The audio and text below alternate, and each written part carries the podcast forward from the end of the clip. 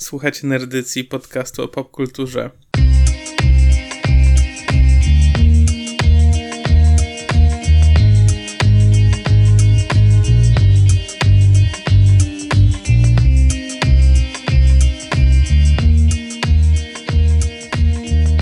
Cześć, to Kuba. Cześć wszystkim, jest z Kubą Damian. Witamy w trzecim odcinku naszego mini sezonu o miastach. Tak, dzisiaj będziemy rozmawiali o Blade Runnerze. Chyba wydaje mi się, że może nawet najbardziej znanym filmie z tych wszystkich, o których będziemy mówili.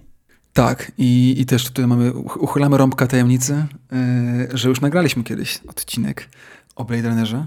Nagraliśmy go w listopadzie zeszłego roku, żeby było e, wtedy, kiedy też ten film, akcja filmu się dzieje, e, ale z różnych powodów ten odcinek się nie pojawił, także dzisiaj wracamy z podwójną siłą. Nagraliśmy już ten odcinek, to prawda. Mieliśmy go nagrać, w ogóle nagraliśmy go o obu częściach. Taki mieliśmy bardzo ambitny plan, no ale nam nie wyszło.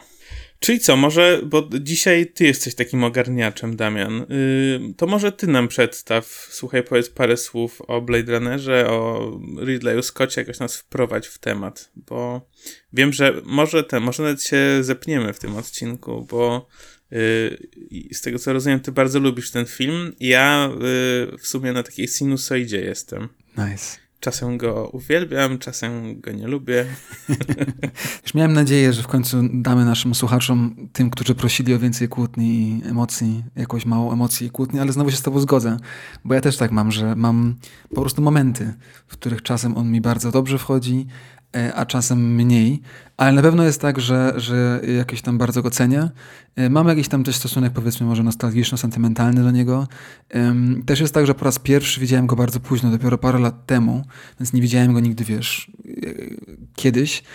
I pierwszy raz go widziałem w kinie. I może też dlatego to, powiesz, pomogło, że miałem od razu duży ekran, dźwięk, bo jak też do tego dojdziemy, no to jest jednak film bardzo mhm. jakoś tam wizualnie niosący się. I, i, I, nie wiem, tak jak wczoraj go oglądałem właśnie na rzutniku w domu, w kinie domowym, to ok, ale słuchałem go na słuchawkach, bo, bo moja partnerka coś tam innego robiła. W związku z tym y, nie miałem aż takiego, wiesz, y, otoczenia dźwiękowego i mniej mi się podoba. Mówisz.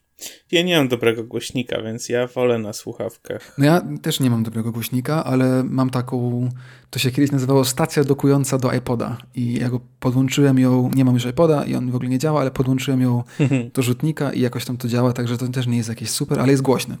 A my mamy, też mamy coś podobnego, tylko nam się wejście Jack zepsuło. No, słuchajcie, w każdym razie, jeżeli ktoś słucha i chciałby zasponsorować, to wie co i wie komu.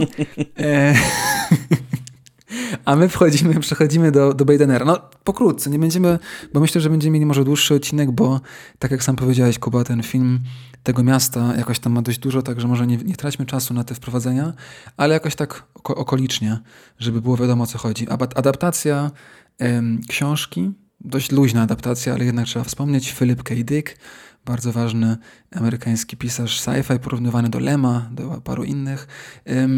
Ta książka, y, czy ten film z tą książką ma trochę związku wspólnego, ale nie bardzo dużo. Także jakby ktoś chciał bardzo się wygłębić, to polecam, bo jest naprawdę bardzo dobra a, i, i, i różna. Z kolei samo to słowo Blade Runner i ten tytuł, tam wokół tego jest bardzo dużo jakiegoś lore w, w świecie fandomowym. Y, pochodzi od jeszcze innej książki Williama Barrowsa, słynnego bitnika, co zabija własną żonę i potem o tym pisze. E, i też napisał na, na Lunch. W każdym razie w to nie wchodzimy, także tych, tych jakichś tam sfer znaczeniowych jest dużo. My mamy przed sobą film, e, burzliwa produkcja, jak też pewnie wiele z, z, was z nas wie, jest, różne są wersje tego filmu, które funkcjonują. E, my dzisiaj będziemy mówić o jednej. Tak, yy, że wejdę ci w słowo. Powiedz, powiedz, wejdź.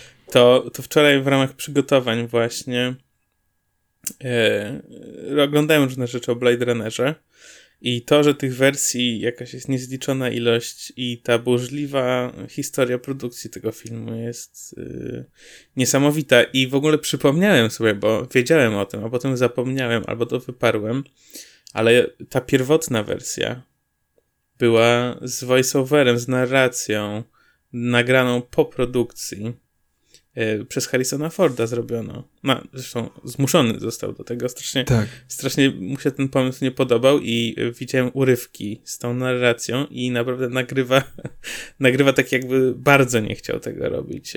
Tak, tak. No on w jakimś wywiadzie kiedyś powiedział, um, że specjalnie nagrał to, jak najgorzej się dało, zero emocji i wiesz, takim najgorszym głosem, jaki mógł wy wytworzyć, mając nadzieję, że jak nagra coś tak beznadziejnego, to producenci tego nie wykorzystają, bo bardzo mu się ten pomysł właśnie nie podobał. No ale koniec końców I ta pierwsza wersja rzeczywiście kinowa, i tutaj znowu trochę może mamy tak jak e, z Metropolis, że ludzie, którzy nas słuchają i nie widzieli tego filmu e, od 2007, kiedy wyszła ta, ta wersja, o której my dzisiaj mówimy, czyli ludzie, którzy widzieli Blade może w kinie, a może w latach 90., prawdopodobnie widzieli właśnie wersję z voiceoverem. E, I oprócz tego, że jest ten voice-over, tam jeszcze parę, parę scen jest wyciętych, parę dodanych i jest dość różne od tego, o której my mówimy. Także dlatego trzeba może warto wspomnieć, że my mówimy o Final Cut, czyli wersji reżyserskiej, zremasterowanej, podkolorowanej, e, z usuniętym voice-overem Harrisona Forda i z, dodaną, z dodaną e, słynną sekwencją snu o jednorożcu, o którą jeszcze dojdziemy, bo wokół w sumie tego snu i tego właśnie, kim ten Harrison Ford kim jest jego bohater, a kim nie jest. Wokół tego były te wszystkie spiny, także tych spin tam było dużo, do tego też dojdziemy później, jeśli w ogóle, um, ale to chyba tyle. No Ridley Scott, nie wiem jak ty Kuba stoisz, wiem, że, znaczy wiem, że stoisz tak, że nie masz wkręty reżyserów, ale Ridleya Scotta y, na pewno kojarzysz. Tak, kojarzę i y, no głównie jednak z Aliensów i z tego, co on teraz z nimi robi. No, to jest coś, co w ogóle kiedyś, mam nadzieję, nagramy jeszcze. Um, nie no, to koniecznie. Tym bardziej, że tych nowych nie widziałem ciągle, wiesz? Także jestem ciekaw. Nie widziałeś? Nie widziałem, Prometeusa tylko widziałem, ale nie widziałem tych kolejnych. Okej. Okay. Nie, ale już widzę, że już tak, już w Blade Runnerze są takie yy, wkrętki mocne w jakieś sy symbolikę chrześcijańską bardzo. Ale już w Blade Runnerze zauważyłem też są takie mocne, mocne, mocna symbolika chrześcijańska. No ale nic, to jeszcze pewnie dojdziemy do tego jak zwykle u nas zresztą.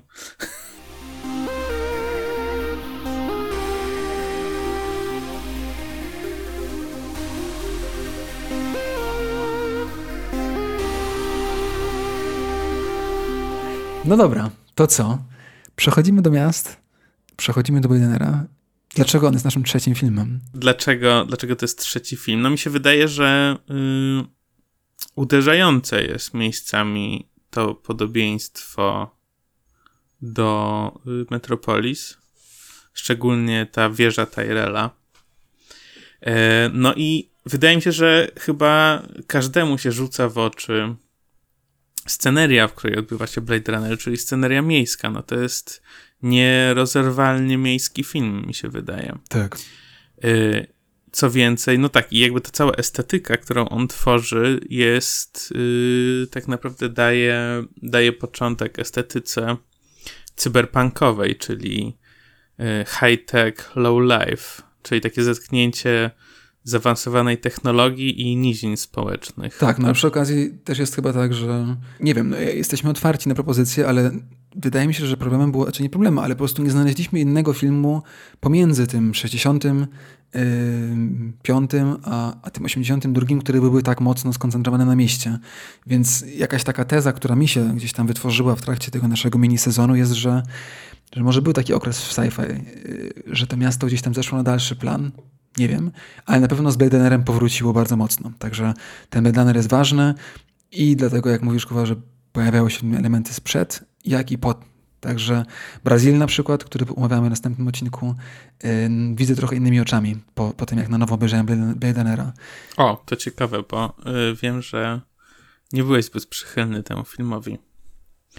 Ale, yy, bo nie tylko w takim razie Blade Runner miasta y, wskrzesza, ale też powiedzmy sobie otwarcie jest no taką, takim filmem neo-noir tak naprawdę. To nie wiem, czy nie wybiegamy troszkę przed siebie, ale skoro już jesteśmy przy stylistyce, to powiedzmy o tym, że cały ten film tak naprawdę jest skonstruowany wokół y, tej koncepcji noirowej, czyli mamy detektywa, który jest właśnie w tej miejskiej dżungli, która jest jakaś taka obca i nieprzyjemna i, i tak dalej. Tak, tak. No gdzieś właśnie wyczytałem, że Ridley Scott nawet sam o tym mówił, że chciał nakręcić y, film noir tak jak były one kiedyś, ale żeby był osadzony w przyszłości, ale z kolei opowiadający o e, teraźniejszości. I jakoś tam to chyba e, jest dość odczuwalne. Ale tak, wrócimy do tego, co? Tak, myślę, że może powinniśmy jeszcze, zanim się wgryziemy w to, w to, w to, w to jabłko rozmowy, to może przypomnijmy sobie fabułę filmu. Akcja filmu toczy się w dystopijnym Los Angeles w roku 2019, e, w czymś, co może można by nazwać grunge'ową, poprzemysłową metropolią, która jest pełna cieni i neonów, które te cienie tworzą w ciągłych strugach deszczu, e, zero słońca. I mamy Harrisona Forda, który wciela się w główną postać Decarda, który jest takim jakby policjantem, zwanym w naszym filmie łowcą androidów, Blade Runnerem. Zadaniem jego jest tropienie oraz wysyłanie na emeryturę, czyli y, nasz tutaj filmowy eufemizm do zabijania genetycznie y, zaprojektowanych sztucznych istot ludzkich, y, de facto właśnie androidów, które nazywane są replikantami. Te replikanty wytwarzane są w jednym celu, mianowicie jako niewolnicy na ludzkich koloniach po pozaziemskich. I teraz historia jest taka, że ona nie jest jakaś bardzo skomplikowana, że czterech replikantów Y, z najnowszej generacji Nexus 6 ucieka z jednej z tych kolonii, przedostaje się do LA i przedostaje się tam w celu znalezienia odpowiedzi, tudzież ratunku dla jednego elementu swojego programowania. Elementu, który nie pozwala żyć replikantom dłużej niż 4 lata. Ponieważ po czterech latach replikanci zaczynają wytwarzać ludzkie emocje. I to jest coś, co Tyrell Corporation, czyli firma zastępująca rząd we władaniu nad światem i ludźmi w, tej, w tym świecie przyszłości, nie chce pozwolić. I, I de facto tyle. Descartes zostaje zakomisjonowany, żeby ich znaleźć, złapać i zabić. W trakcie pościgu e, sam Descartes zaczyna kwestionować swoją własną tożsamość, napotyka swojego idealnego wroga w postaci inteligentnego i mrocznego Roya Batty, e, w tej roli Rutger Hauer, który niedawno zmarł, e, a przy okazji także zakochuje się w jednej ze swoich potencjalnych ofiar, która też jest replikantem. I wszystko kończy się wielką strzelaniną, e, pościgiem, rozwiązaniem akcji oraz pozornym zwycięstwem czegoś, co może można by nazwać dobrem nad złem. I w tej wersji, którą my oglądamy, czyli w tej wersji Final Cutowej, mamy otwartą końcówkę. Więcej pytań niż odpowiedzi. I może na część z nich uda nam się dzisiaj odpowiedzieć. I'm Rachel. Deckard. It seems you feel our work is not a benefit to the public. Replicants are like any other machine. They're either a benefit or a hazard. If they're a benefit, it's not my problem. May I ask you a personal question? Sure.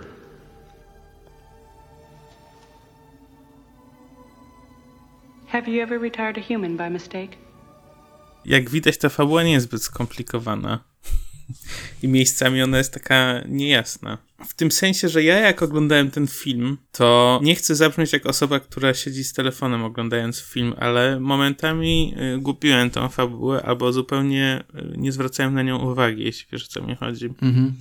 Że po prostu bardziej mnie y, ten świat sam i to miasto i postaci, powiedzmy, chociaż też mi się wydaje, że wszystkie postaci są trochę płytkie w tym filmie, poza rojem, że, że ta fabuła gdzieś tam znika pod tym natłokiem wizualno-audiowym. No właśnie, to jest nasze pierwsze tutaj oczywiście pytanie, czy mi się podobał, czy nie i rozumiem, że może też do tego to się jakoś ym, sprowadza, że ja na przykład bardzo lubię y, takie filmy, które właśnie są wolne i nudne i w których jakaś ta warstwa wizualna niejako staje się bohaterem. Wiesz o co chodzi? Takie jakby, dla mnie ten film jest i dlatego y, jakoś tam go bronię, jeśli chodzi właśnie w kontekście tej płytkości fabuły, że te, te postaci, bohaterowie um, gdzieś tam schodzą na dalszy plan, bo mamy innych bohaterów.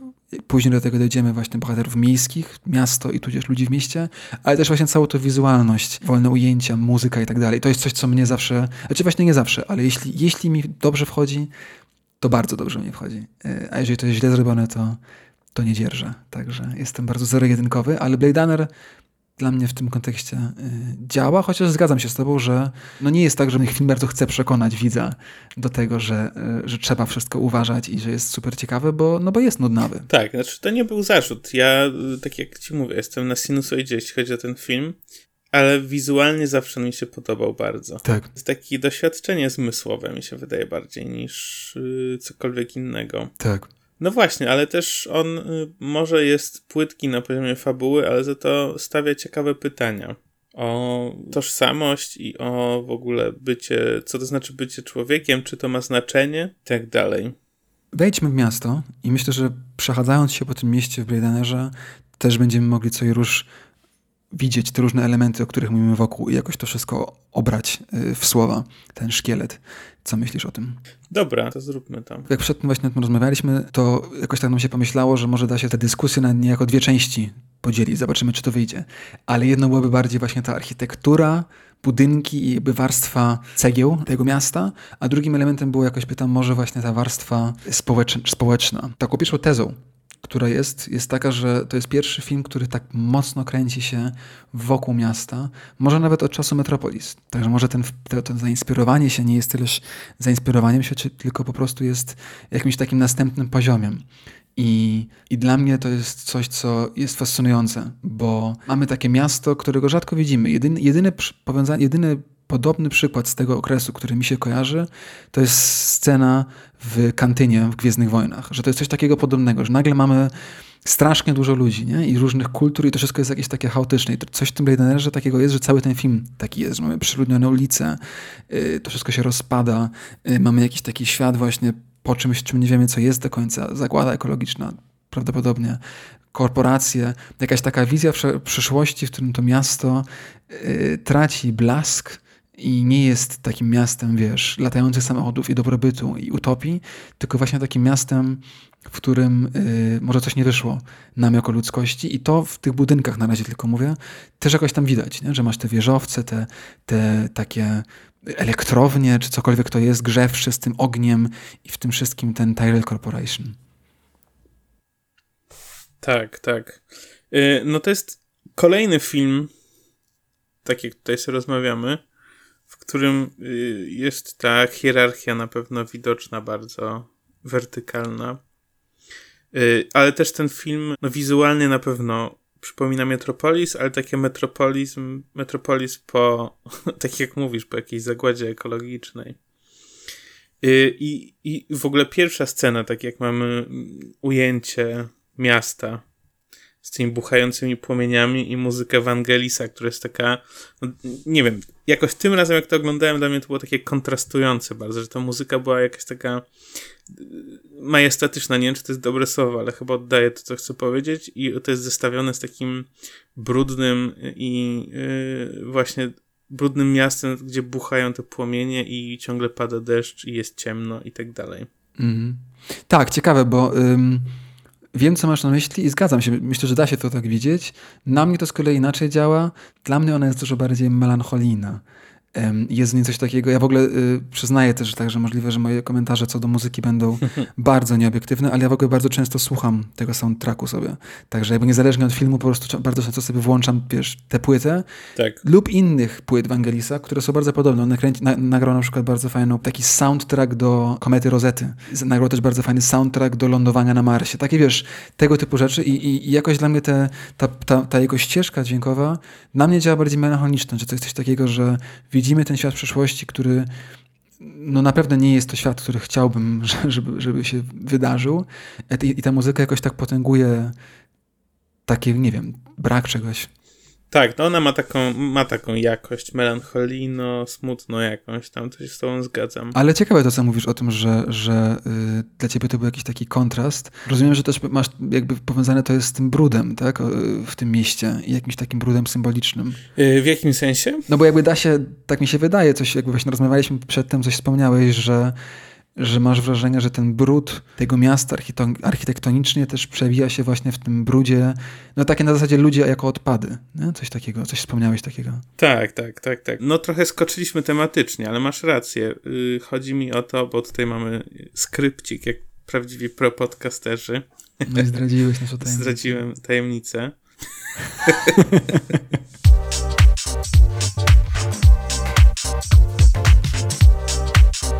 tak, bo to jest ten świat po zagładzie ekologicznej. I zresztą przez cały film przewijać się ten motyw, że są pozaziemskie kolonie, gdzie czekacie lepsze życie. E, I masz takich bohaterów jak J.F. Sebastian, czyli ten jeden ze współpracowników Tyrell Corporation, który chciał polecieć na te pozaziemskie kolonie, ale niestety ze względu na stan zdrowia się nie zakwalifikował, tak? Czyli y, plus mamy też te wszystkie y, osoby, które są jakoś tam etnicznie naznaczone w kontekście amerykańskim. Tu jest LA, więc rozumiem, że to są głównie osoby z Azji, bo z tego jest znane to wybrzeże. Tam zawsze było duży, duża mniejszość japońska. No i w tym kontekście to jest takie trochę brzydkie określenie, ale myślę, że pasuje co do kontekstu społeczno ekonomicznego jakiegoś tam, że są to ludzie śmieci tak zwane, albo jakieś ludzie odpady, czyli osoby, które tak naprawdę się nie kwalifikują do tego, żeby żyć w tym lepszym świecie, gdzieś poza Ziemią, gdzie nie ma tej katastrofy klimatycznej. I wydaje mi się, jeśli chcemy to przenieść na świat nasz, teraźniejszy, no to jest po prostu yy, taka paralela osób, które są z tych wszystkich postkolonialnych krajów, które teraz muszą tak naprawdę płacić za rozwój ekonomiczny pierwszego świata, jakkolwiek go nie nazwiemy, bo głównie to są te miejsca, które zaczynają odczuwać zmiany klimatyczne najbardziej. Tak, chociaż trzeba wspomnieć, że to, o czym mówisz, to zostało dużo bardziej wprost wyjaśnione w sequelu, czyli Blade Runner 2049. Tutaj dla mnie nie, nie, nie jest to jednoznaczne. W sensie trochę mam tak jak z Matrixem, że jak obejrzysz Matrixa 2 i 3, to ty jakby wiesz, retroaktywnie to, co się dzieje w pierwszym, pod to się podpina i okej, okay, wiemy, co się wydarzyło. Ale w tym, dla mnie ten element zakłady właśnie takiej ekologicznej nie jest y, bardzo, tak wiesz, to nie jest na pierwszym planie. W sensie nie jest tak, że no nie, moim zdaniem równie dobrze dałoby się, dałoby się wyobrazić, że to jest świat po wojnie nuklearnej, która też, jak rozumiem, mogłaby zniszczyć Ziemię. No tak, tak, no ale to nadal jest jakaś tam zagłada ekologiczna, nie? Tak, tak, nie, mi chodzi o to, że, że chciałbym, żeby to było, mi, mi się to podoba, że to jest zagłada ekologiczna, tylko właśnie mogłoby być troszkę bardziej, wiesz, jeszcze bardziej powiedziane. Tak, tak. No ale to właśnie to jest, to jest mi się wydaje fajne w Blade Runnerze, że tak naprawdę ten świat, on nie jest nachalny, tylko masz takie on taki jest dawkowo wprowadzany i tak naprawdę mimochodem czasami. Tak, tak. No to jest coś, co, co ja jakoś tam y, nazywam prawdziwością w cudzysłowie, że, że jakby to miasto w tym Billionerze i dlatego ten świat przedstawiony tak strasznie mnie kręci, i dlatego ten film tak, tak mi się podoba i tak go cenię. Tak naprawdę o to chodzi, że po prostu go bardzo cenię, bo właśnie jest taki prawdziwy, że masz takie miasto, które, które no tak jak masz, wiesz, w grach komputerowych czy w RPGach masz taki porządny world building, nie? że masz tak, tak. stworzony świat, który sam w sobie po prostu działa i żyje. I jakby to, że ta opowieść tam się dzieje, to jedno, ale mógłbyś mieć dużo innych, które by też tam funkcjonowały. Tak, no poza tym masz, z jednej strony to nie jest nachalne, nie ma takiej ekspozycji, jak w serialach i filmach często bywa, wiesz, w stylu o, to jest y, ta zapalniczka, którą dałeś mi dwa tygodnie temu, coś tam, wiesz, takie tłumaczenie widzowi o co chodzi. A z drugiej strony są sceny, które mm, ewidentnie są po to, żeby przedstawić ten świat, y, bo tak naprawdę y, mogłyby się skończyć wcześniej, tak? Ale są przedłużone żeby właśnie ten szkielet owinąć w jakąś taką treść. Tak, no to in, zupełnie inna tematyka, ale mi się to jakoś też kojarzy bardzo mocno z książkami e, Władcy Pierścieni, w których masz całe rozdziały i całe jakieś opowieści, które się dzieją gdzieś wokół, które w ogóle nie są ważne dla tej głównej fabuły, ale potem sobie zdaję sprawę, że tam w sumie nie, ma w ogóle żadnej głównej fabuły tak naprawdę, tylko masz ten cały właśnie taki świat i troszkę tu jest podobnie. Um, no coś, co mnie jeszcze osobiście jakoś tam bardzo kręci, to to, że, że nie mamy tutaj w ogóle CGI. Trochę jest, ale jest bardzo mało użytych efektów specjalnych komputerowych, a wszystko jest podobnie jak w Gwiezdnych Wojnach, e, zainspirowane też Gwiezdnymi Wojnami, e, robione ręcznie. E, makiety, miniaturki, namalowane obrazy i, i to działa. I to jest coś, co też wspominaliśmy przy Metropolis, to jest coś, co mi osobiście bardzo zawsze się podoba.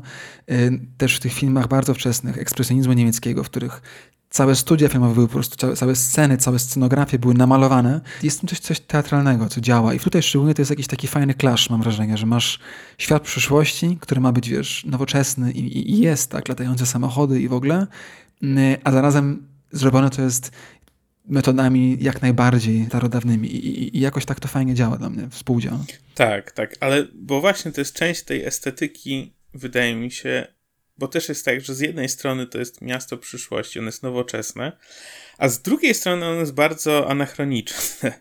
I też, y, nie wiem czy zwróciłeś na to uwagę, ale przestrzeni, we, w sensie wnętrza, Same wnętrza są yy, no już w ogóle bardzo przestarzałe. Z jednej strony tak najbardziej widzimy yy, ten dom, w którym mieszka J.F. Sebastian, yy, który jest po prostu de facto takim, to jest prawdziwy budynek zresztą w LA. Yy, tak, ale do niego jeszcze dojdziemy, bo on jest w ogóle ważny moim zdaniem też w kontekście tego miasta. Tak, ale, ale nie wiem, czy zwróciłeś uwagę, jak y, Descartes na samym początku filmu zostaje wezwany do swojego szefa. Tak. Tak naprawdę masz tak. po prostu budynek, w którym jest hala i w tej hali stoi budka, która wygląda kropka w kropkę, jakbyś ją przetransportował z filmu z lat 40. czy 50., właśnie o detektywie filmu noiru. Tak, tak. E, która w ogóle nie pasuje tam i jest tak super skontrastowana z tym neonowym, e, neonowym miejscem, w którym był scenę wcześniej. Tak, no mi się to, muszę ci przyznać, zaskoczony jestem i niestety e, wpadłem w pułapkę nowej fali, bo Alphaville, im więcej czasu mija od kiedy go oglądaliśmy i się na niego wkurzaliśmy, tym bardziej pozytywnie o nim myślę, bo na przykład w kontekście właśnie Blade Runnera to są zabiegi, które już w Alphaville się pojawiają i to jest coś, co mi się bardzo skojarzyło. Właśnie ta scena dokładnie ta, o której mówisz, ten, ten, ten, ten komisariat policji, to jest po prostu jeden do jednego komisariat policji, wiesz, z jakiegoś beznadziejnego show telewizyjnego z tamtych czasów. Um, jedyne, co robi go nowoczesnym, no to właśnie parę jakichś takich elementów i to wejście z ulicy, te neon, no i to jest tak naprawdę to, co mieliśmy też w Alphaville, nie? że masz te, ten świat przyszłości, który w ogóle nie jest wizualnie różny, jeśli chodzi o wnętrza, bo wiadomo, że na ulicy to jakbyś powiedzieliśmy co innego, ale te wnętrza rzeczywiście są bardzo podobne, chociaż nie wiem, co myślisz o mieszkaniu Dekarda. Tak, to prawda. To jest, to jest ten element, który nie pasuje, ale z, jeśli chodzi o same przemyślenia, które miałem związane z jego domem, tak naprawdę w tym domu nie ma prywatności, w tym sensie, że cały czas jak oglądasz te sceny, to tam się zmienia światło, bo coś przelatuje obok cały czas jakby jakiś reflektor zagląda do środka. E, co jakoś tak nie uderzyło, bo sobie pomyślałem, że mnie by to strasznie denerwowało. Ale z drugiej strony sobie myślę, że wiesz, to troszkę jest taki właśnie brak prywatności, jakaś taka tymczasowość może, nie wiem. To też się pojawia pod koniec w tym budynku J.F. Sebastiana, w którym zawsze jak y, my się znajdujemy, to też przelatuje nad nim ten Zeppelin z reklamami. Mhm. Nie wiem, co o tym myślisz, ale ja bym nie powiedział, że Blade Runner jest orwellowski czy Huxleyowy, wiesz o co chodzi, że to jakby dla mnie ta wizja przeszłości nie jest, to nie jest Wielki Brat, to nie jest y, Nowy Wspaniały Świat Huxleya, to, to jest inna wizja, także ten, ten, tak. ta, ta inwigilacja się pojawia, ym, ale jednak w inny sposób, także raczej reklamy, konsumpcjonizm, może coś takiego? To nie jest taki totalny, y, totalny system albo jakiś totalny pomysł polityczny. Ja bym powiedział nawet, że wręcz przeciwnie, to jest drugi, drugi koniec tego spektrum, czyli tak naprawdę jakaś taka libertariańska, czy nawet wręcz anarchokapitalistyczna wizja świata. Ja, ja trochę wczoraj miałem przemyślenia na temat jakby świata Blade Runnera. Na temat Ziemi samej jako takiej. I tak sobie myślałem, że tak naprawdę na Ziemi prawdopodobnie, tak sobie myślę, że to w tym świecie mogło być tak, że znajduje się jakiś rząd światowy, bo zacząłem się zastanawiać, z jakiego powodu replikanty są zabronione na Ziemi. Mhm. Yy, I nie wiem. Y, ale moja teoria jest taka, że na tej ziemi tak naprawdę znajdują się albo super bogaci, albo super biedni, bo jakby cała reszta jest na koloniach pozaziemskich. Super biednych nie stać na to, żeby do nich wyjechać, a super bogaci są na ziemi, dlatego że właśnie tam się znajdują jakieś obiekty rządowo-historyczno ważne dla ludzkości i po prostu stać ich na to, żeby żyć w miarę komfortowych warunkach na tej zdewastowanej ziemi. Ale to by się gryzło z twoją poprzednią y, interpretacją, że na ziemi zostali sami niebiali y, i biedota. Tak, no ale w tych ujęciach y, nie mówię, że sami niebiali, nie chodzi mi o to, ale chodzi, chodzi mi o to, że przeważająca ilość osób jest jakoś tam etnicznie naznaczona w kontekście Stanów Zjednoczonych. Tak. Tak, tak, nie, nie, ale wiem o co ci chodzi, wiadomo, że trochę cię prowokuje, ale jest tak y, i znowu, ale dla mnie to znowu jest na plus. Dla mnie to jest na plus, że ten film nie próbuje ci wszystkiego wytłumaczyć. I to jest coś, co ja mam y, i to już też na pewno wspominałem nieraz, ja mam ogromny problem z tym, że kino w XXI wieku, e, szczególnie tej dekadzie po latach y, zerowych, ma jakąś taką tendencję, że wszystko musi być wytłumaczone. To jest coś, co mnie osobiście strasznie męczy. Ja dlatego bardzo lubię stare filmy, bo w nich y, twórcy filmu nie traktują widza jak idiotę. A dzisiaj mam takie niestety wrażenie, że widz jest traktowany jak idiota, któremu trzeba wszystko wytłumaczyć, każdy szczegół, bo jeżeli nie, to nie zrozumie, no jak nie zrozumie, to mu się nie spodoba. I to jest coś, co mnie bardzo irytuje. No ale widzisz, ten film też był ofiarą tego zabiegu. Tak, tak, dokładnie. Cały ten voice-over y, miał być po to dodany. Tak, i na tym to polega, że ten film, producenci też myśleli, że nikt go nie zrozumie, więc dodali voice-over i no nie była to klapa finansowa, ale to nie był hit. Wiesz, Blade Runner to jest tak jak Star Trek trochę, no, że to kultowo zostało wytworzone jako coś, co jest klasykiem, ale jak on wyszedł, to to nie był, wiesz, hitem wtedy było E.T., tylko nawiązując do tego, co powiedziałeś, tej wizji Ziemi, nie? że to jest coś, co dla mnie w tym filmie jest fajne, naprawdę fajne, że jest bardzo dużo niedomówień, ale nie takich niedomówień, które cię wkurzają, bo myślisz sobie, no zaraz, no jak to wiesz o co chodzi, które są nielogiczne, które są jakieś takie, że myślisz sobie, no zaraz, no to nie działa, musi, musi być opowiedziane nam, tylko że takie niedomówienia, które dla mnie są totalnie ok, że są niedomówione, bo pozwalają ci myśleć i, i, i, wiesz, i zastanawiać się. Co do tych replikantów, to jest coś, czego w filmie nie ma, ale w książce, i to było moim zdaniem fajne, bo w książce tej właśnie Filipa Kedyka, jeśli dobrze pamiętam, tam było tak, że jeszcze bardziej było tak, jak ty mówisz, że tylko najbogatsi opuścili Ziemię na te kolonie i tylko najbogatsi mogli sobie pozwolić na replikanta. W związku z tym jedyną możliwością, dla, poprzez którą replikant mógł się pojawić na Ziemi, to jeżeli zabił swojego właściciela na, w koloniach i uciekł bo na Ziemi miałeś jakby taką właśnie to, co tutaj w filmie się pojawia tylko jako taki, wiesz, zarzucone słowo, że ta północ, nie? ta północ, y, do której jeszcze wrócimy, bo jest bardzo ważna oczywiście też, jako taki, takie miejsce, gdzie ci właśnie uwolnieni replikanci żyją. Y, I coś w tym filmie dla mnie podobnego było może, nie? że to, że oni wracają, no to jakby niejako znaczy, że ich jedyną rolą, czyli wytwarzanie y, dóbr na koloniach, no to jest jedyny, dla którego zostali stworzeni. Jeżeli wracają na Ziemię, no to znaczy, że wiesz, coś nie działa w tym systemie właśnie no jednak jakiegoś takiego kapitalizmu, tak, hardkorowego wytwarzania dóbr.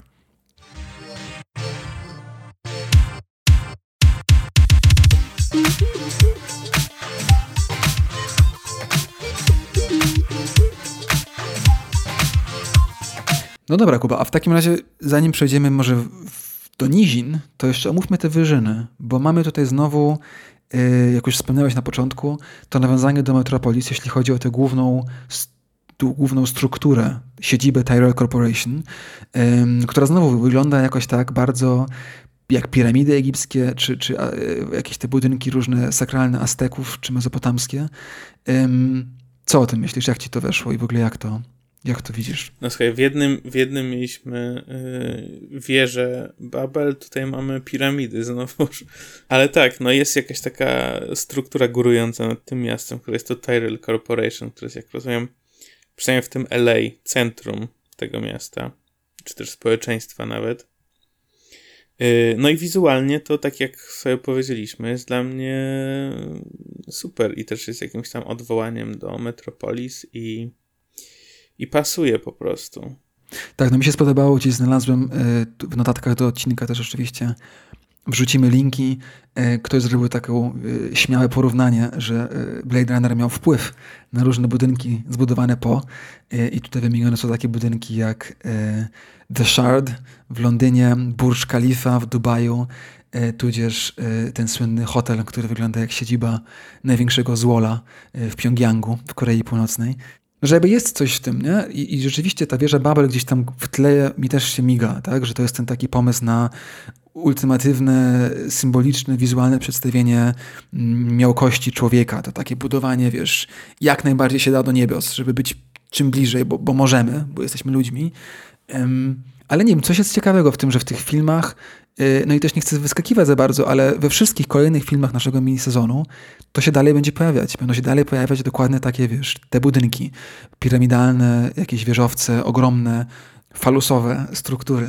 No tak, y, na pewno, na pewno będzie w Akirze i na pewno będzie w Ghost in the Shell, ale czy w, czy, czy w Wakandzie?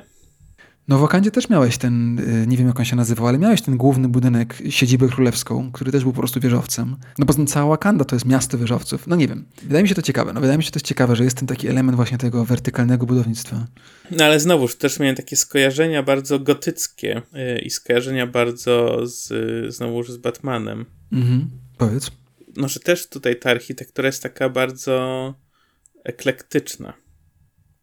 I też jest tak, że yy, tak naprawdę poza takimi ujęciami, tak jak to na początku, czyli takimi ogarniającymi to miasto, które zresztą się nie mieści w tym ujęciu, więc jakieś takie roz, rozległe, mm, to tak naprawdę nie widać nieba w ogóle na przykład. I też jak Descartes walczy pod koniec z Rojem, to pomimo tego, że ten budynek nie wydaje się wysoki, w sensie wydawałoby się, że to jest bardziej taka kilkupiętrowa kamienica, to znowuż wspinając się na niego też nie widać ulicy, ani nie widać poziomu gruntu.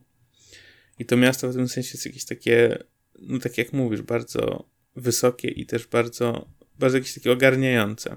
No to jest coś, ten Batman, jak rozumiem, czyli Gotham City, czyli Nowy Jork, czyli znowu jakoś tak, i tak jak omawialiśmy Metropolis, tak, Fritz Lang zainspirował się Nowym Jorkiem, także może gdzieś y, jakby Wakanda jest po prostu Manhattanem w wersji jakiejś tam panafrykańskiej czy cokolwiek.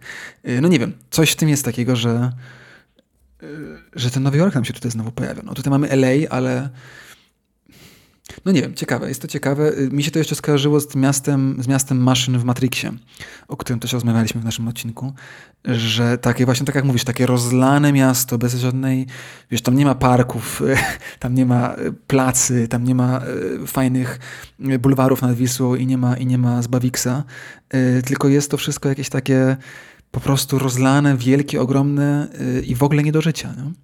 to miasto. Tak. She's a replicant. Isn't she? I'm impressed. How many questions does it usually take to spot one? I don't get it, Tyrell. How many questions? 20, 30 cross referenced. It took more than a hundred for Rachel, didn't it? She doesn't know. She's beginning to suspect, I think. Suspect? How can it not know what it is? Commerce is our goal here at Tyrell. More human than human is our motto. Rachel is an experiment, nothing more. Memories. You're talking about memories. To co, Kuba? Zejdźmy do nizin, jak już omówiliśmy te wyżyny. Tak. Wspominaliśmy, że ten film jest takim właśnie filmem o społeczeństwie i to miasto jest pokazane nam z tego punktu widzenia. Tak, no myślę, że tak samo jak Descartes i Roy i Rachela, tak samo ten tłum i to miasto są yy, bohaterami pewnym sensie. I te, i te wypełnione, wypełnione gwarem i wielokulturowe ulice, po których y, chodzi, po których chodzi Descartes, też są, też są w jakiś tam sposób istotne. No właśnie, i co ty o tym uważasz? No bo to jest, to jest to, o czym mówiłem, czyli to low life spotyka high tech, czyli mamy pokazane jakieś takie dystopijne społeczeństwo yy, tych klas najniższych. No, w Metropolis mieliśmy przedstawionych tych robotników, którzy w pewnym momencie się buntują, ale poza tym gdzieś tam egzystują w tym mieście. I, ale nie są głównym, nie są głównym tematem tego miasta, jakby nie są, nie są to miasto nie jest dla nich, a mi się wydaje, że tutaj właśnie jest na odwrót. To miasto jest dla tych ludzi, że oni są jego nie, jakby nieodłącznym elementem. Tak jak mówiliśmy i tak jak mówisz, jak się stało, mamy ten, to ukazane miasto przyszłości z perspektywy tych nizin.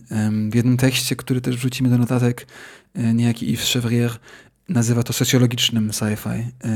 I jakoś tam wchodzi w jakąś taką analizę bordziowską, używając y, takich rzeczy jak milieu, czyli środowisko społeczne. I tak naprawdę chodzi po prostu o to, to nie jest nic innego jak e, u Raymonta e, w Chłopach, w których mamy bohatera zbiorowego, w którym e, i tutaj jest, mam wrażenie, podobnie. Ten, ten zbiorowy bohater może nie jest aż tak zbiorowy jak u Raymonta, ale jest podobny zabieg, że mamy rzeczywiście tych czterech replikantów i, i Dekarda i parę innych postaci, które znamy z imienia nazwiska i śledzimy ich losy i powiedzmy, że jakoś tam się to wkręcamy. Ale zarazem mamy bardzo dużo, więcej niż potrzeba by w tak zwanym standardowym filmie, scen, w których mamy po prostu pokazanych ludzi na ulicach, miks narodowości, języków, smaków. Mamy ten, ten bazar, jakiś taki grand bazar istam, istambulski, yy, pomieszany z jakimś takim, wiesz, wizją orientalną azjatyckiego bazaru.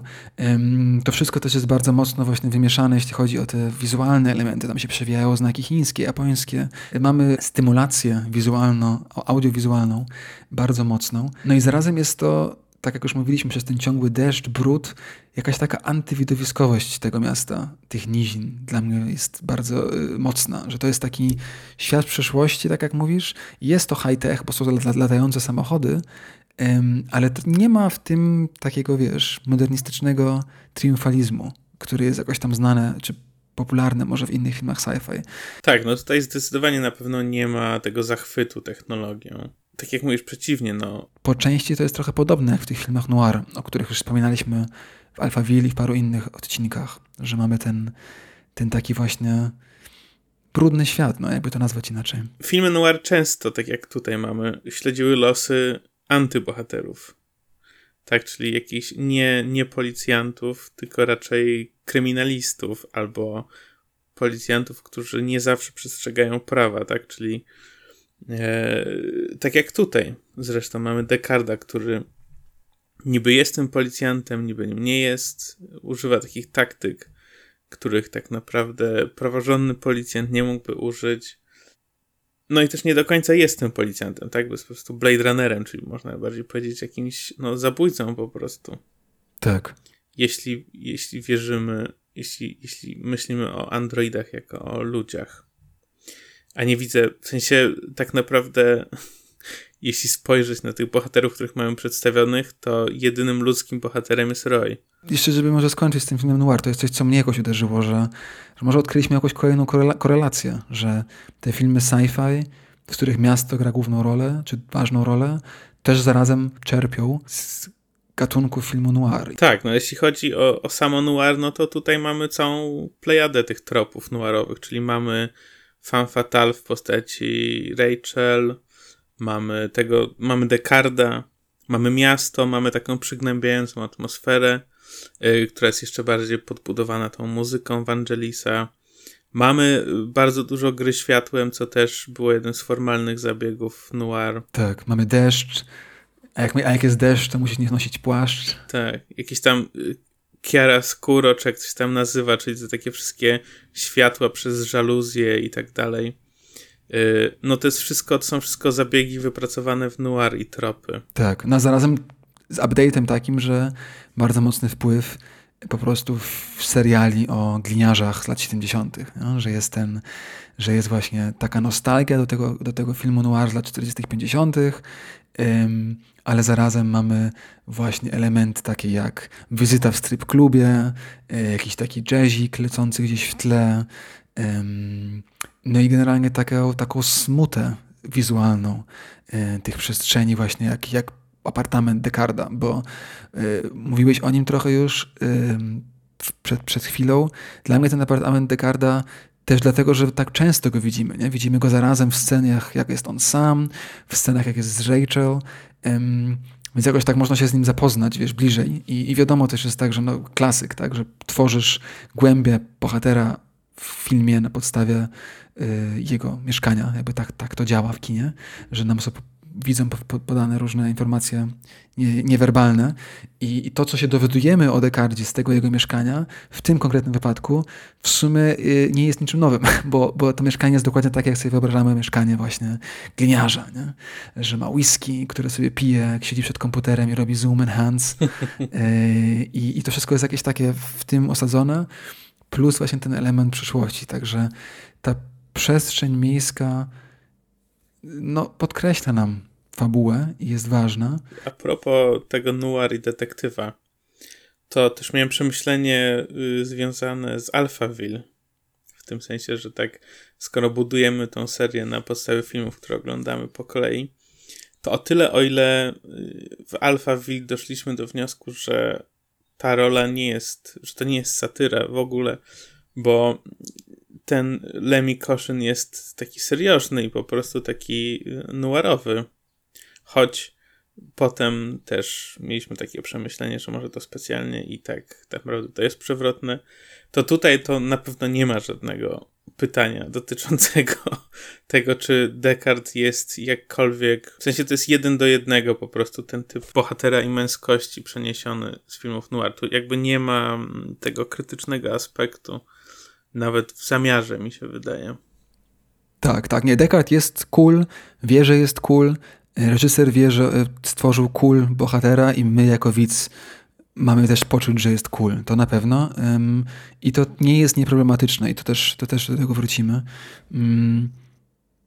Ale tak, myślę, że to miasto jeszcze bym zakończył to, to budynkiem końcowym, bo wspomnieliśmy o nim i nie możemy tego tak zostawić.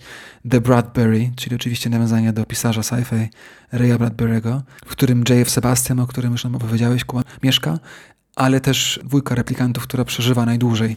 Znajduje tam, no właśnie co znajduje? Przyjaciela, yy, ofiarę, schronienie, śmierć. Wszystko po trochu chyba. I ten budynek sam w sobie, ja nie wiem, ja tak sobie zapisałem właśnie oglądając, że to jest trochę takie miasto, takie mikromiasto w mieście.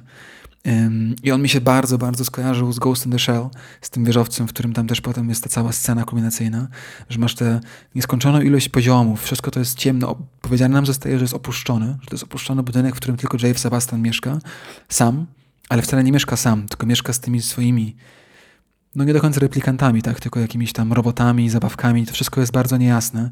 Przy okazji to są wszystko postaci grane przez ludzi niskiego wzrostu, więc to wszystko jest jakieś takie bardzo... Dużo tam tego jest, no. No właśnie, bo z jednej strony to miasto jest takie przeludnione i pełne i tętniące życiem, a z drugiej strony mm, z drugiej strony jest puste. Tak w momencie, kiedy wchodzimy do tej przestrzeni J.F. Sebastiana, on mówi, że y, mieszkam tu sam, bo w okolicy nie brak pustych domów. Yy, czyli pytanie, czy to miasto jest pełne, czy to miasto jest puste, czy ono jest jakieś takie w niewiadomym stanie, czy może na przykład J.F. Sebastian mieszka w jakiejś dzielnicy, w której mieszkali kiedyś sami bogacze. Ale czemuż znowu by nie zostało zamieszkane przez ludzi? Także to jest jakieś takie niejasne i w tym sensie odbiera jakąś taką realność tego miejsca a z drugiej strony właśnie tworzy to, co ty mówisz, czyli jakieś takie pe pewnego rodzaju niefizyczną, niefizyczne bycie tego miejsca, tak? Czyli ono się wydaje niskie, a tak naprawdę w końcowej scenie jest super wysokie i jakieś takie załamanie rzeczywistości tam następuje. Mm -hmm, mm -hmm. Tak, tak. No ta przestrzenność też potem jest bardzo jasno w tej ostatecznej właśnie rozgrywce między Descartem a, a Royem, mm, przestrzenność gra ogromną rolę i tam są bardzo jasne paralelizmy między zarówno tymi dwoma postaciami, ale też pomieszczeniami, w których się pojawiają i to trochę już wychodzimy jakby z takiej stricte dyskusji o mieście, więc do tego wrócimy mm, pod koniec. Dla mnie ten The Bradbury jeszcze o tyle może ostatnie słowo był ciekawy, że był takim budynkiem bardzo mocno pokryzysowym. Nie? Że to jest coś takiego, że tak jak te ulice, właśnie tak jak mówisz, mamy zarazem to jest ciekawe, tak, że mamy tę ulicę, ten, ten rynek, te, ten bazar, yy, też te, te dzielnice, powiedzmy, rozpusty, w której, w której Descartes zabija pierwszego, pierwszą replikantkę, ten właśnie bardzo striptizem, jakiś taki, co to jest, jakiś taki market z zwierzętami, powiedzmy, czy cokolwiek dla bogaczy, a zarazem mamy te, ten budynek jest pusty, także ta, ta, taki clash Y, który dla mnie wydaje się bardzo prawdziwy, taki właśnie pokryzysowy, że zarazem mamy takie Detroit trochę, nie? 2008, 9, 10 roku, że mamy zarazem przeludnione ulice, ale w tym samym mieście mamy też kompletnie opustoszałe ulice i to jest coś, co tylko dodaje do tej prawdziwości, o której już wspomnieliśmy, mam wrażenie.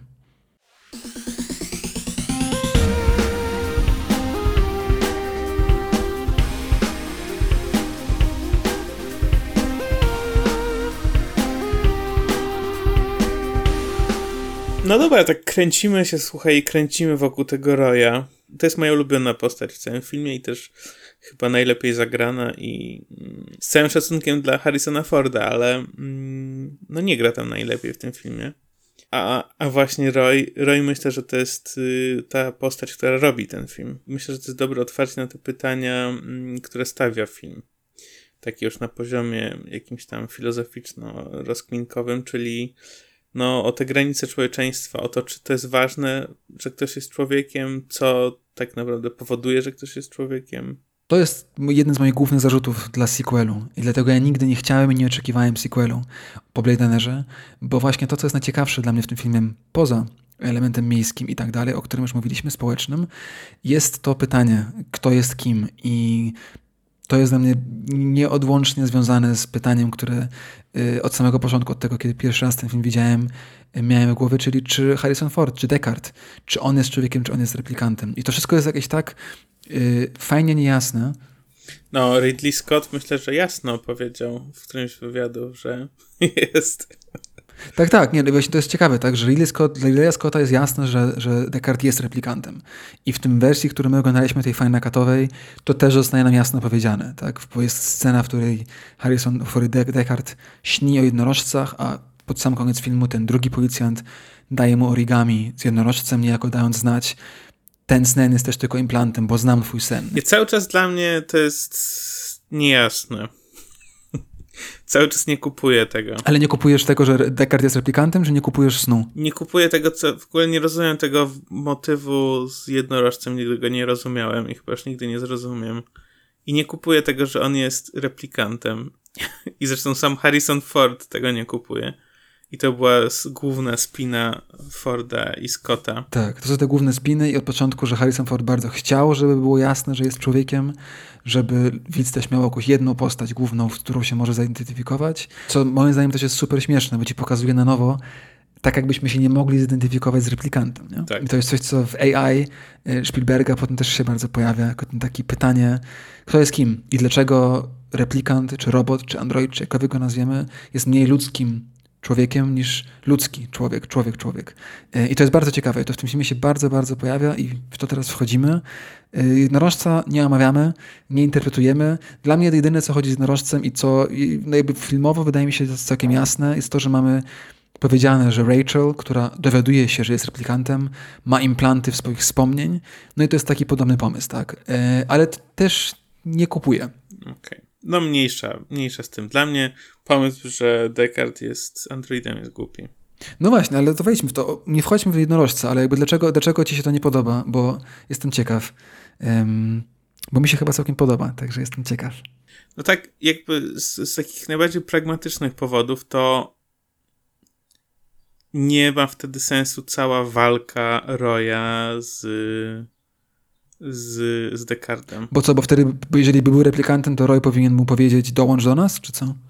Nie, nie, nie. Tak już czysto fizycznie, w tym sensie, że ewidentnie w tej walce Roy jest super silniejszy, bo jest powiedziane, że te androidy mają... No, ale to akurat, y, bo jest Nexusem 6.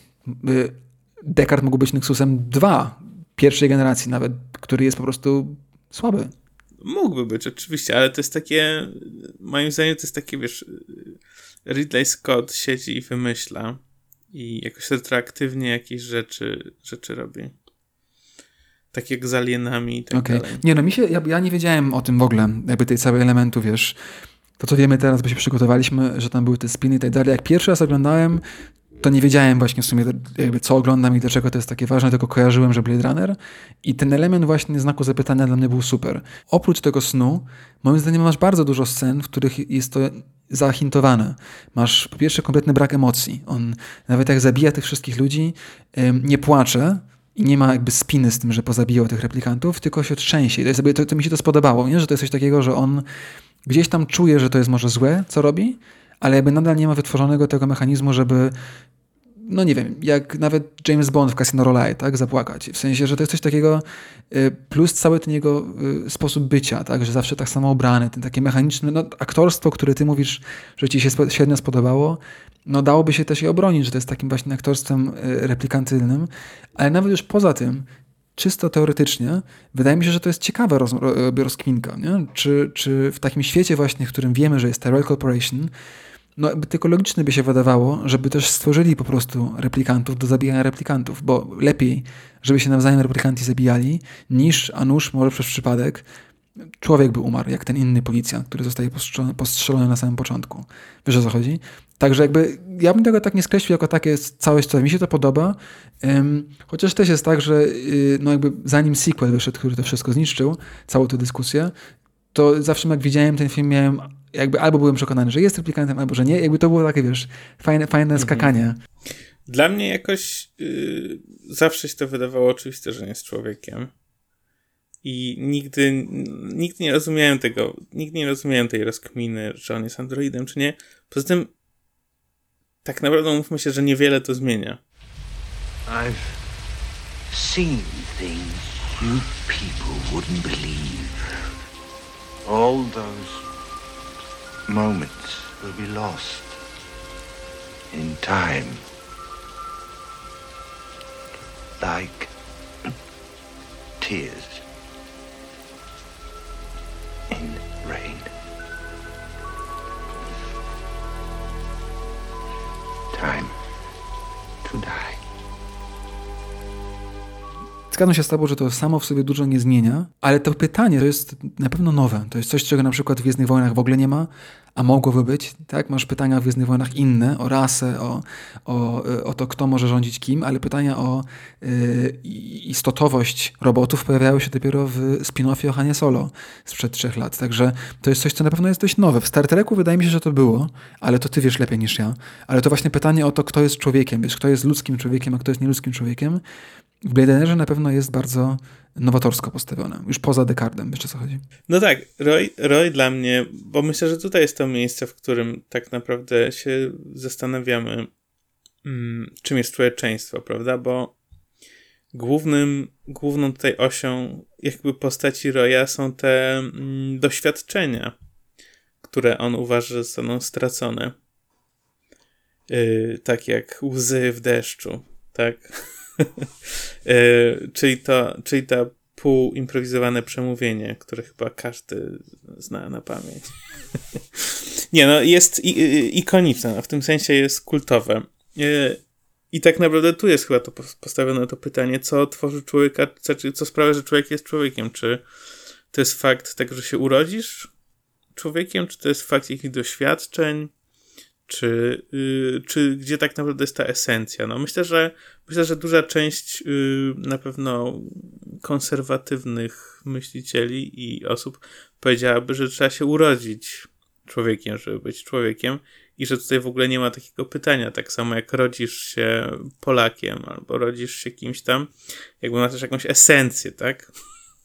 Jesteś esencjalnie Polakiem albo esencjalnie człowiekiem.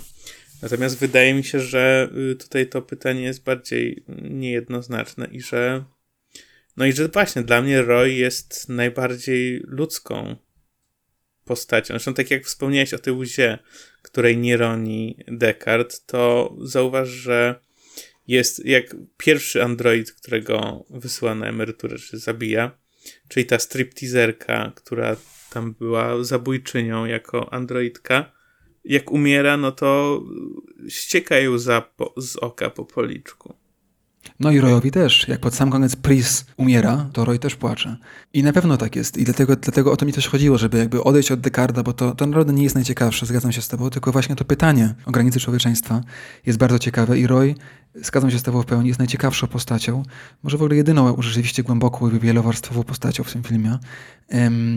I dla mnie to też jakoś tam się wiąże z tym elementem tego testu, który tam się non stop przewija, nie? że mamy ten Void Camp test, który ludzie, którzy wiedzą jak go używać, wyszkoleni, z wiedzą, aplikują na innych ludziach i na podstawie tego, co im tam wyjdzie, z szeregu pytań, które mają wytworzyć e, e, odpowiedź emocjonalną, decydują, czy dana osoba jest osobą ludzką, czy osobą e, replikantylną, androidem. Ta ostatnia scena, o której wspomniałeś, tej przemowy na, na dachu w deszczu mm, jest dla mnie takim jeden do jednego odpowiedzią właśnie na ten test, że mamy z jednej strony ten test, który wiadomo, że historycznie testy na ludzkość y, kojarzą nam się jednoznacznie. No, mamy, mieliśmy aryjskie testy nazistów na, na ludzkość, y, mieliśmy różne inne testy w Afryce na, na ludzkość i w ogóle. Także jedno, jednoznacznie się kojarzą źle i, i obrzydliwie. I to, czym test jest, no to test, test jest zbiorem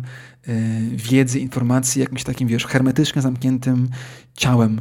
Y, I to dla mnie się super gryzie właśnie z tą przemową nad koniec, która, jak mówisz, jest improwizowana, jest porwana, jest metaforyczna y, i bazuje w pełni na emocjach i w pełni na, na wspomnieniach. Czyli mamy, wiesz, tę walkę szkiełka z okiem po jednej części, ale też no tak jak mówisz, to pytanie o to, co tworzy człowieka i czy Rachel jest mniej ludzka, dlatego że ma wspomnienia zaimplikowane przez Tyrella, czy Roy jest mniej czy bardziej człowiekiem, bo tego jego wspomnienia są jego własne. I to jest coś, co mi się wydaje fascynujące, nie?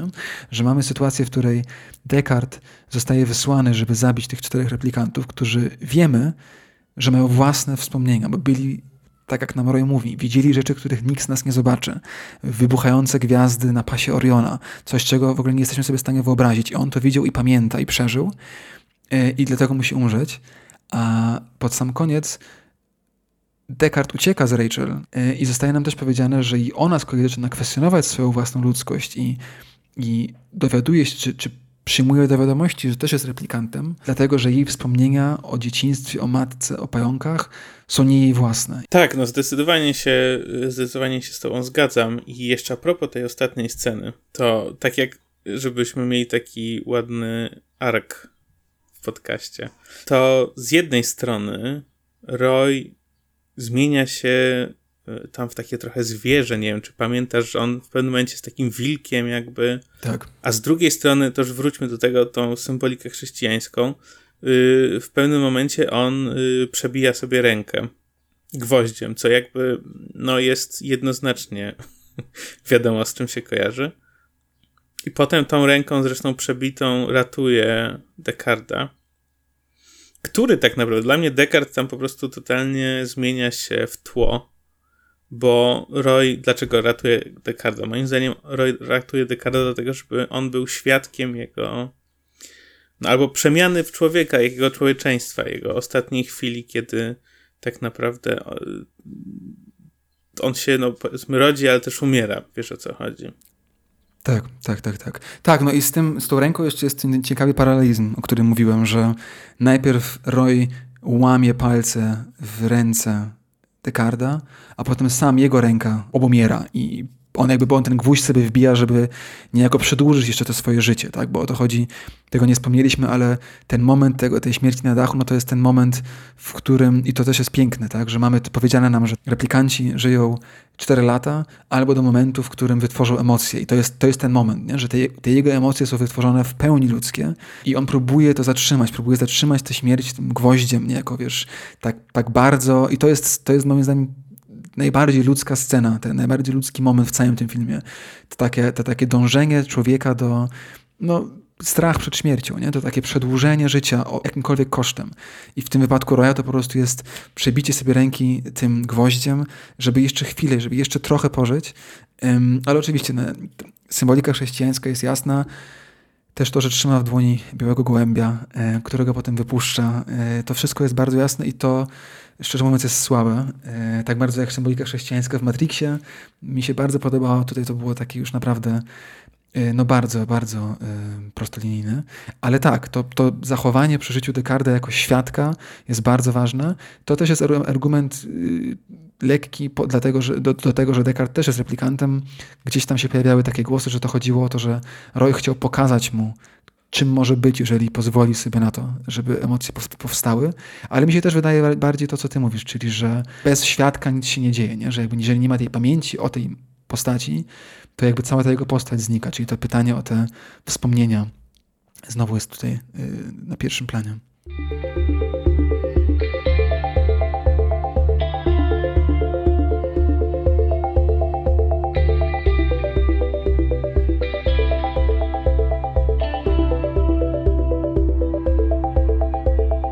Powiedzieliśmy sobie, pozgadzaliśmy się ze sobą. Było fajnie, jak zawsze. Y, to jeszcze może powiedzmy tak na koniec y, jakieś problematyczne kwestie z tym filmem, żeby tak nie zostawiać ludzi z takim poczuciem, że ten film jest wyśmienity w każdym względzie. Może mm, zaatakujmy naszego przysłowiowego słonia w pokoju, czyli scenę, scenę no de facto gwałtu jak wiele osób by powiedziało, na Rachel. No z tym seksizmem to jest coś, co, co i w Alpha omawialiśmy, i w innych, i zawsze będziemy. Yy, niestety, no. Niestety tak jest, że yy, kino sci-fi ma bardzo dużo elementów seksistowskich. Film noir tym bardziej. No jak mamy połączenie sci-fi z filmem noir, to mamy jakieś apogeum. Tutaj na szczęście te postaci poboczne i to całe miasto jest dużo ważniejszym bohaterem, więc jakby ten cały seksizm trochę schodzi na dalszy plan, ale tak, no nie możemy tego nie wspomnieć. Po pierwsze tak, że postaci kobiecych w ogóle nie ma, a jeżeli są, to są bardzo mocno zseksualizowane. Nawet ta powiedzmy najdłużej żyjąca i najbliższa uczłowieczenia, w cudzysłowie, Pris, no też koniec końców jest y, no, bardzo mocno erotycznie przedstawiona. Cała scena, w której Roy z jej pomocą przekonuje J.F. Sebastiana do tego, żeby pomógł im dojść do Tyrella, no opiera się na jakiejś takiej bardzo jasnej, niejasnej grze seksualnej. No to wszystko jest jakieś takie bardzo lata 80. Ale tak, no ta scena, w której Descartes zmusza e, Rachel do, do stosunku. Co tu dużo mówić, no. E, jest to, jest to rape'owe, no. I to wypunktowujemy w nerdycji i za to dostaje minus. No właśnie, ty napisałeś jeszcze, powiedziałeś rasizm. Czy chcesz tutaj coś y, się rozwinąć? No wiesz, no to, to jest, to raczej, raczej myślałem o tobie, bo to jest twój konik, ale no to jest coś, co mnie jakoś tam uderzyło. Tak, właśnie tak sobie o tym teraz pomyślałem, że nie ma ich. Są dwa elementy tego. Pierwszy element jest taki, że mamy te bazary i te, te życie uliczne. I ono rzeczywiście jest bardzo, w cudzysłowie, kolorowe, multi, multietniczne. Mamy bardzo dużo elementów, no tych właśnie takich azjatyckich. I to jest orientalistyczne i esencjonalne i jakby z perspektywy jakiejś tam akademickiej spinowe, ale jak na film mainstreamowy, sci-fiowy, fajne. To, co mnie uderzyło, to to, że jest po pierwsze ani jeden czarnoskóry bohater się nie pojawia. Ani jeden, nawet nigdzie w tle. I tak samo jeśli chodzi o y, latynosów. Właśnie latynos jest ten detektyw, który robi origami i to mnie też uderzyło. On jest latynosem w prawdziwym życiu tak zwanym, ale tutaj ja rozumiem, on gra Azjatę. On w ogóle, ja dla mnie, ja dla mnie i to jest coś, czego nie, nie omówiliśmy w ogóle jeszcze, bo to może być takie zbyt, zbyt wkrętkowe, ale on dla mnie jest dużo bardziej replikantem niż Descartes. Jeżeli już ktoś z nich jest replikantem, to on dla mnie ma, sprawia wrażenie replikanta. Cała jego jakby fizjonomia, to jak jest stworzony, chodzenie z tą laską, ten taki ciągły uśmiech, coś w nim jest takiego, wiesz, uncanny w nim, że jakby jest człowiekiem, ale nie, jakby, nie wiem, wiesz o co chodzi? To jakby dla mnie on jest ciekawszą postacią, jeśli mhm. chodzi właśnie o potencjalnych replikantów. Z przyczyn oczywistych ten element właśnie Azji jakoś tam kręci w tym. E, no i to jasno jest, że w tym filmie chodzi o Japonię, tak? Mamy lata 80., Japonia y, wzrasta, tak samo te parę innych krajów dookoła, Singapur, Tajwan, Korea Południowa. I ten taki strach światu zachodniego, że ten świat przyszłości to już nie będzie świat nasz, w cudzysłowie, białych, y, zachodnich krajów, tylko świat tych krajów z Azji. I jakoś gdzieś tam to się przewija dla mnie. Ale tak, no to, że tam właśnie nie ma tych, tych w ogóle postaci tak zwanych niebiałych jest ciekawe. I to się oczywiście też łączy z tym drugim elementem, który wspomniałem, czyli jakimś takim czytaniem tego filmu przez pryzmat opowieści o niewolnictwie w Stanach Zjednoczonych. I nie wiem, nie wiem czy się, jakoś też o tym tak myślałeś, Kuba? Tak, no jakby paralela, paralela jeśli w, w kontekście Stanów Zjednoczonych, no to jest faktycznie całkiem, całkiem jasna, tak? Czyli mamy jakieś osoby, które są tak naprawdę wyjęte poza nawias, poza tą ziemię, która powiedzmy byłaby jakimś tam odwzorowaniem tego głównego społeczeństwa, które tak naprawdę są z jednej strony obce, a z drugiej strony jakimiś tam intruzami w tym świecie i w ogóle zastanawiamy się nad ich człowieczeństwem. No to jest, myślę, że całkiem jasno można by to i prosto przyłożyć do tego Matrixu y, niewolnictwa i, i afroamerykańskich jakichś tam rozkminek w kontekście Stanów. To tak. Tak, tak. Mi się, mi się to wydawało y, bardzo, bardzo takie wprost, tak, że mamy te właśnie kolonie pozaziemskie, na których no, na plantacjach, tak, w cudzysłowie pracują replikanci, którzy potem uciekają i próbują się uwolnić i ta wolność jest na północy. Dla mnie dlatego ta północ jest taka ważna, nie? To uciekanie z południowych Stanów do tych północnych, mm -hmm. czy tam Kanady. No i właśnie, tak jak wspomniałeś, to jest książka do której się odnoszę, Adili Funama, broni trochę właśnie tego, że nie ma postaci niebiałych, ale replikanci są niejako symbolicznie czarni. I to, to w ogóle mi się wydaje problematyczne jako stwierdzenie, yy, czy rzeczywiście da się tak jakby łatwo o tym mówić, ale mamy tę futurystyczną alegorię niewolniczej przeszłości, uciekinierzy, no i tak jak w Stanach tak byli łapacze uciekinierów, tak? Niewolnicy, którzy byli uwolnieni, albo się uwolnili, albo uciekli przez Underground Network i potem miałeś tych łapaczy i że niejako ten Descartes jest tym łapaczem niewolników. No tak, można kupić taką, można kupić taką interpretację.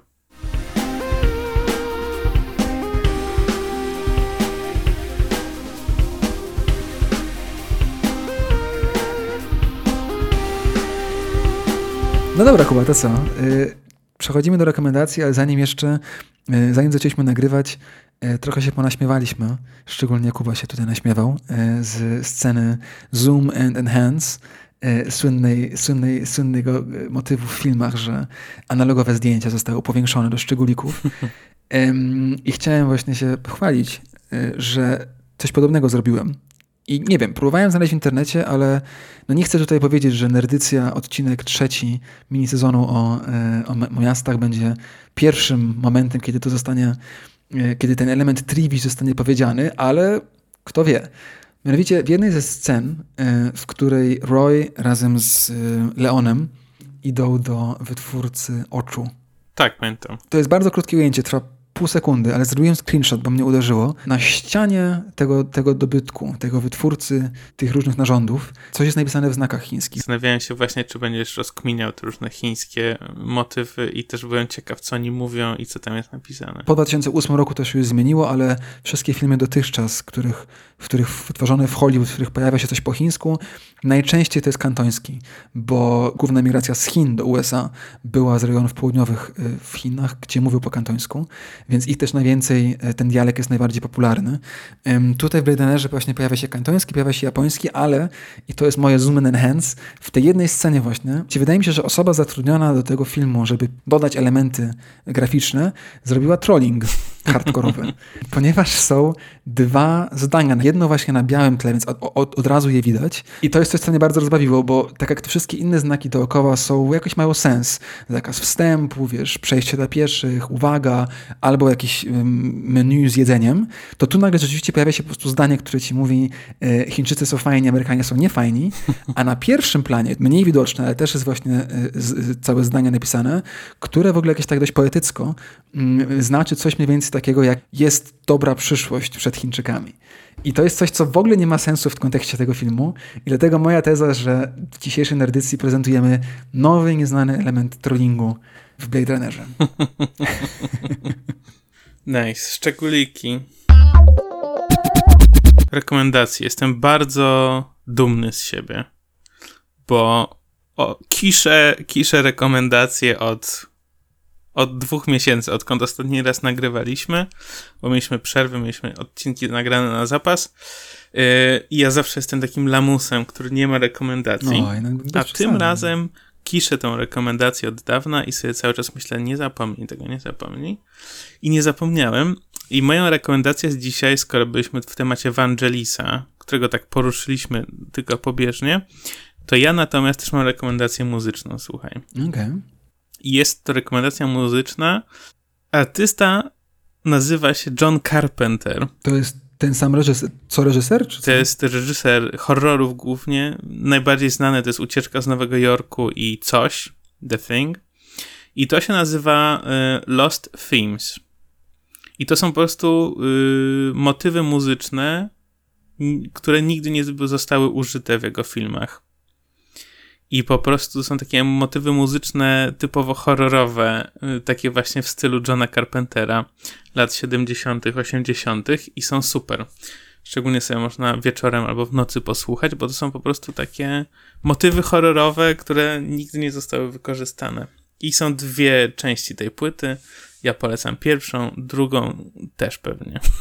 No ładnie, fajnie, słuchaj. No ja, ja dzisiaj z kolei tu nie powiedziałem mojej rekomendacji, czyli po pierwsze, y, czy androidy śnią o, o y, elektrycznych owcach, który już polecałem przedtem i tak samo jak ktoś miałby mieć, chciałby mieć bardzo dużą wkrętę w Blade Runnera, to jest bardzo, bardzo dobry film dokumentalny, który nazywa się Dangerous Days Making Blade Runner, który wyszedł właśnie y, w tym samym momencie, kiedy Final Cut. Czterogodzinny film dokumentalny o tym, jak tworzyli, no i te wszystkie dyskusje, o których dzisiaj rozmawialiśmy. Także jakby ktoś bardzo chciał się wkręcić y, w temat naszego odcinka, to te dwie, te dwie pozycje polecam. No dobra, Damian, słuchaj, bardzo było przyjemnie się znowu spotkać, Tak, no bo żeśmy mieli długą przerwę i co? I y, słyszymy się, mam nadzieję, niedługo, albo za dwa tygodnie, albo za miesiąc. i oczywiście życzymy wszystkim słuchaczom i słuchaczkom szczęśliwego Dnia Dziecka. O, no tak.